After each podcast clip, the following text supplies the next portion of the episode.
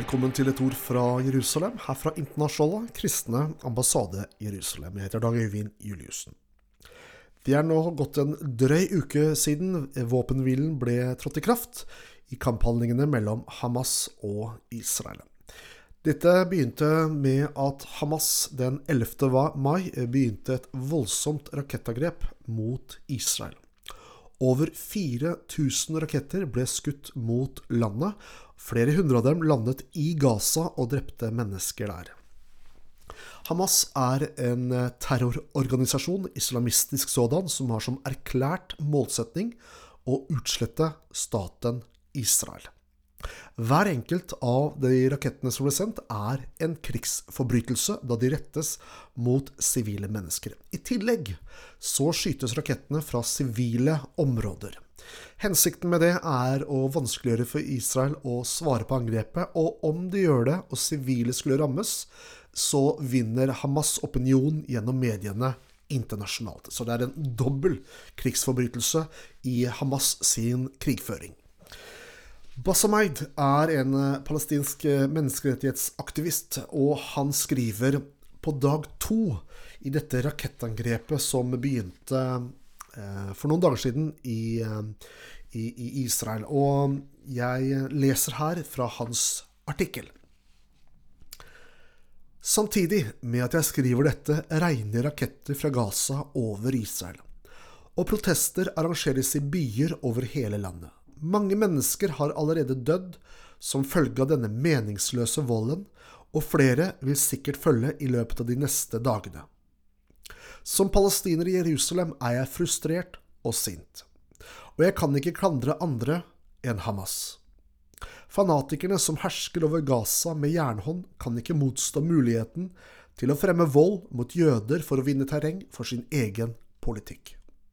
Jo flere uskyldige jøder og muslimer som dør i prosessen, jo bedre er det for dem. Påskuddet for det siste regnet av raketter og oppfordringen til opptøyer i sosiale medier er Sheikh Jarrah, der det var planlagt en rettssak knyttet til en langvarig tvist.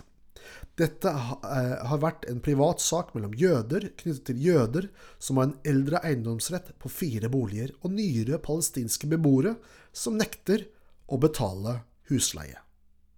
Det er en type situasjon som bør håndteres av en lokal kommunerett.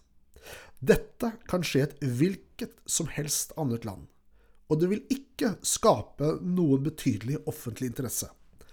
Men eh, dette er Jerusalem. Så du må se alt i sammenheng med den politiske situasjonen. Du må også spørre deg selv hvem kan tjene på politisk voldsutøvelse akkurat nå?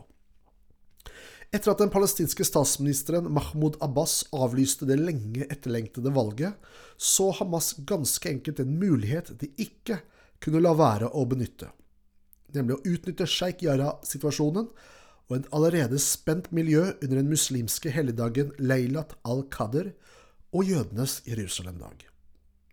Hamas driver for tiden en kampanje på sosiale medier der man oppfordrer palestinere til voldelige demonstrasjoner i Jerusalem og andre steder. De oppfordrer palestinske ungdommer til å kaste bort livet sitt ved å kaste steiner og provisoriske bomber mot politiet.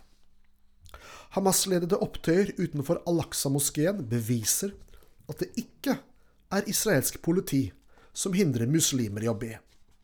Hamas har oppfordret til voldelige opptøyer med den hensikt at Israel skal anklages for etnisk rensing.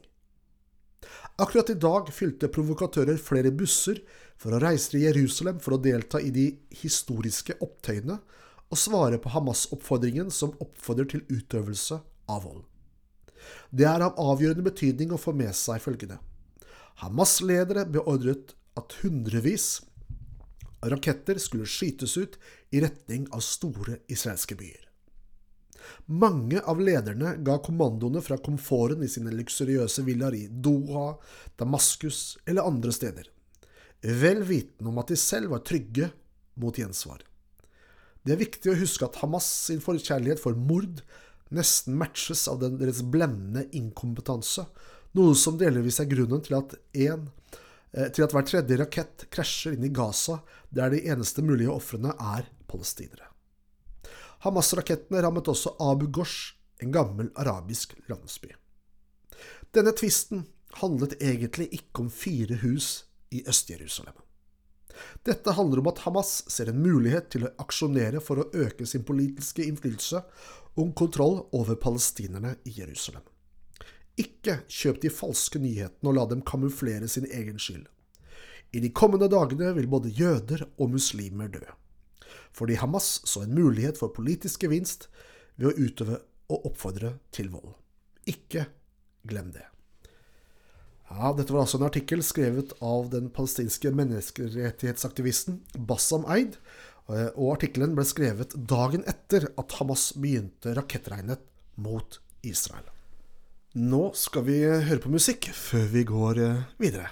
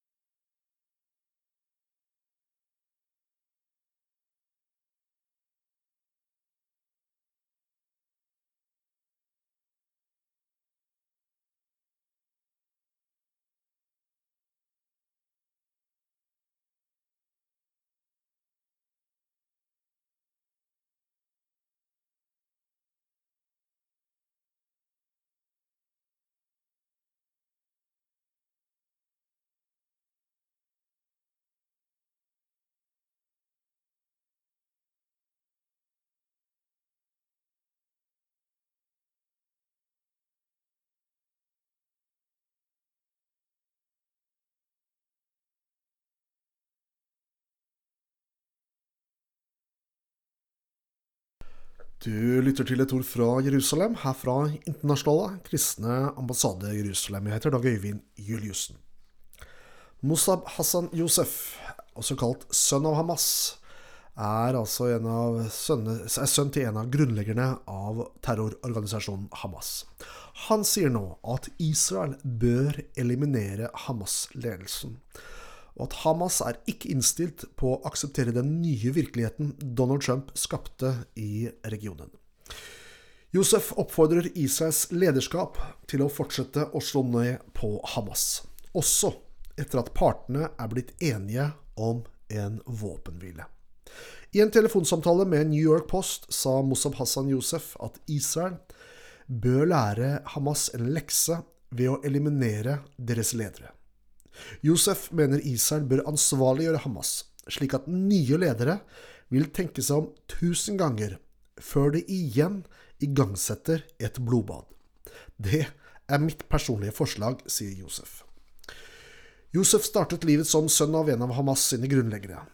Han kunne selv bli en leder i terrororganisasjonen, men valgte å flykte til USA.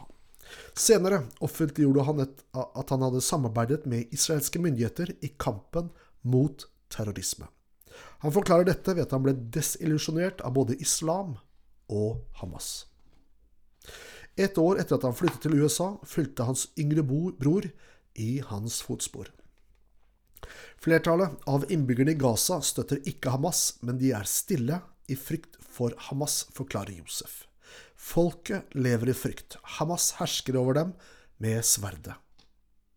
Hvis du motarbeider Hamas, vil de skyte deg eller henge deg umiddelbart.